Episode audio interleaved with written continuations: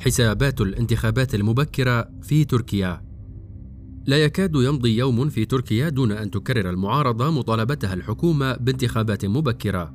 بدأ الأمر في إرهاصته الأولى بعد الانتخابات البلدية في عام 2019 التي تقدمت فيها المعارضة نسبيا رغم فوز العدالة والتنمية. وكسبت بلديات مهمة وذات رمزية عالية مثل أنقرة وإسطنبول. لكن الوتيرة ارتفعت بشكل ملحوظ في ظل التطورات الاقتصادية الأخيرة في البلاد. فهل تركيا ذاهبة إلى انتخابات مبكرة قريبا جدا أو على الأقل قبل موعدها المقرر منتصف عام 2023 ثمة بعدان للأمر قانوني وسياسي؟ قانونيا ودستوريا يملك الرئيس حق الدعوة لانتخابات مبكرة بشكل مباشر. كما يحق لمجلس الأمة الكبير أي البرلمان الدعوة لها بموافقة 360 نائب من أصل 600 نائب فيه أي نسبة 60% وبالنظر إلى خريطة الأحزاب داخل البرلمان يمكن القول بأن أحدا من الأحزاب التركية بما فيها الحزب الحاكم لا يملك عددا كافيا من النواب لذلك ولا يملك تحالف الجمهور الحاكم ب 334 نائبا ولا تحالف الشعب المعارض ب 171 نائبا. حتى ولو انضم له حزب الشعوب الديمقراطي ب 65 نائبا. أكثر من ذلك فلو افترضنا أن حزب الحركة القومية غير موقفه وانضم للموافقين على تبكير الانتخابات سيبقى ذلك أقل قليلا من العدد المطلوب.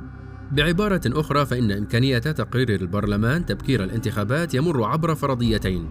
الأولى أن يوافق العدالة والتنمية على تبكير الانتخابات ويوافق مع الباقين. والثاني أن ينضم حليفه للمعارضة ويستقيل منه. أي من العدالة والتنمية. عدد كبير من النواب وينضموا للمعارضة لترجيح كفتها.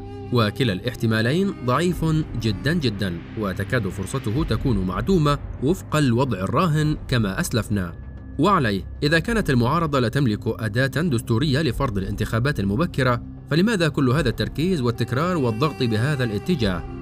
تدرك المعارضة أن المسار القانوني الوحيد عمليا لتبكير الانتخابات هو قرار الرئيس أردوغان نفسه. ولذلك تزيد من مستوى الضغوط عليه ما يعني أن الأمر انتقل من البعد القانوني للسياسي. ولذلك أيضا فهي تحاول الضغط على الحركة القومية لتغيير موقفه. من باب إظهار أردوغان العدالة والتنمية وحيدا في مواجهة الكل السياسي في بلاده. وإجباره سياسيا على اتخاذ هذا القرار لكن ذلك يبدو أمرا بعيد المنال. ثمة ثلاثة أسباب مهمة لرفض أردوغان وحزب العدالة والتنمية تبكير الانتخابات. أولها أن موافقته تعني إقراره بأن هناك أزمات كبيرة غير قابلة للحل أو هو فشل في حلها في البلاد وهذه وحدها دعاية سلبية بحقه بينما هو يرى أن تراجع قيمة الليرة والتحديات الاقتصادية الأخرى مؤقتة وستمر وتؤول لما هو أفضل.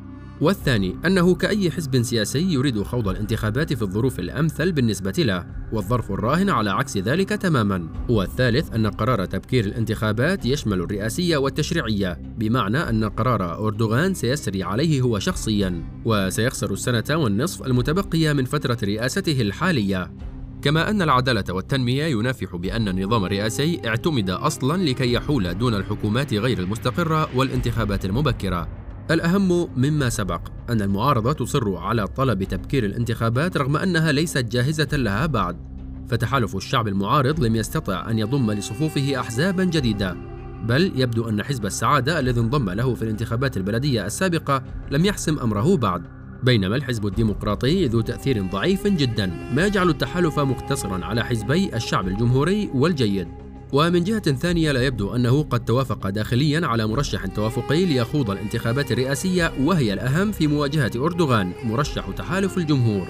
بل لا يبدو أن التحالف قد يوافق على المعايير الرئيسة التي ينبغي أن تتوفر في هذا المرشح المفترض. أكثر من ذلك فخوض المعارضة الانتخابات الرئاسية بمرشح توافقي ليس أمرا محسوما ومفروغا منه حتى اللحظة. بل قد تضطر لخوضها بأكثر من مرشح وهو أمر قد يضعف فرصها بشكل ملحوظ.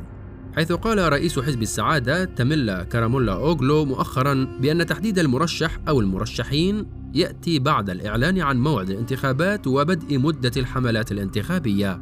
تصريح كارا مولا أوغلو كان ردا على كلام رئيس حزب الشعب الجمهوري كمال كليتشدار أوغلو بأنه يتشرف بأن يكون مرشحا رئاسيا للمعارضة. في حال توافق تحالف المعارضة على اسمه وهو كلام أتى بدوره بعد يوم واحد من تصريح لرئيس بلدية إسطنبول أكرم إمام أوغلو بأنه لن يكون مرشحا رئاسيا وإنما سيكمل عمله في رئاسة البلدية فيما بدا رضوخا لضغط حزبه عليه بعد ترويج رئيس الحزب الجيد ميرال إكشنار اسمه كمرشح توافقي أكثر من مرة.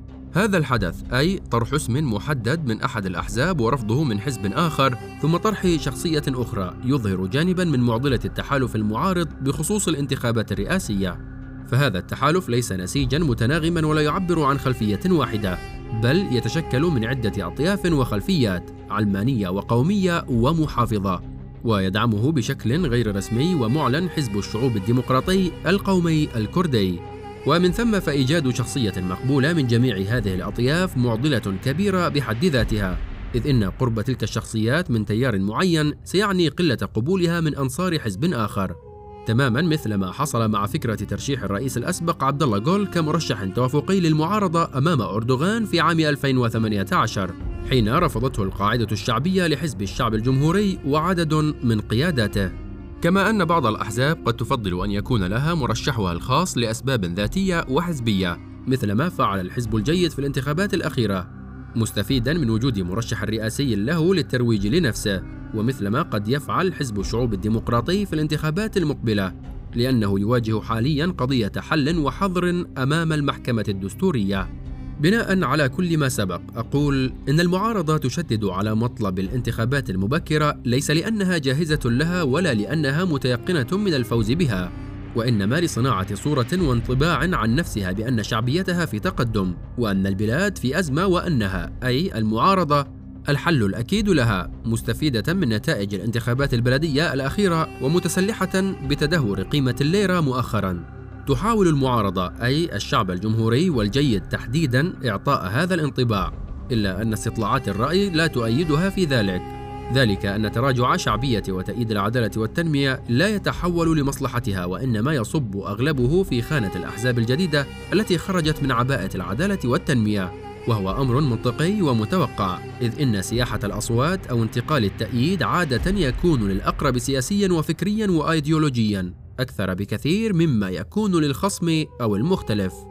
ختاما تبكير الانتخابات قرار سياسي بامتياز ويتخذه أي حزب حين يكون هو في الوضع الأمثل أو يكون خصمه أو خصومه في الوضع الأسوأ. فيبكر الانتخابات ليعظم مكاسبه أو يكون المستقبل وفق توقعاته أسوأ من الحاضر. فيبكرها لتقليل تراجعه أو خسائره.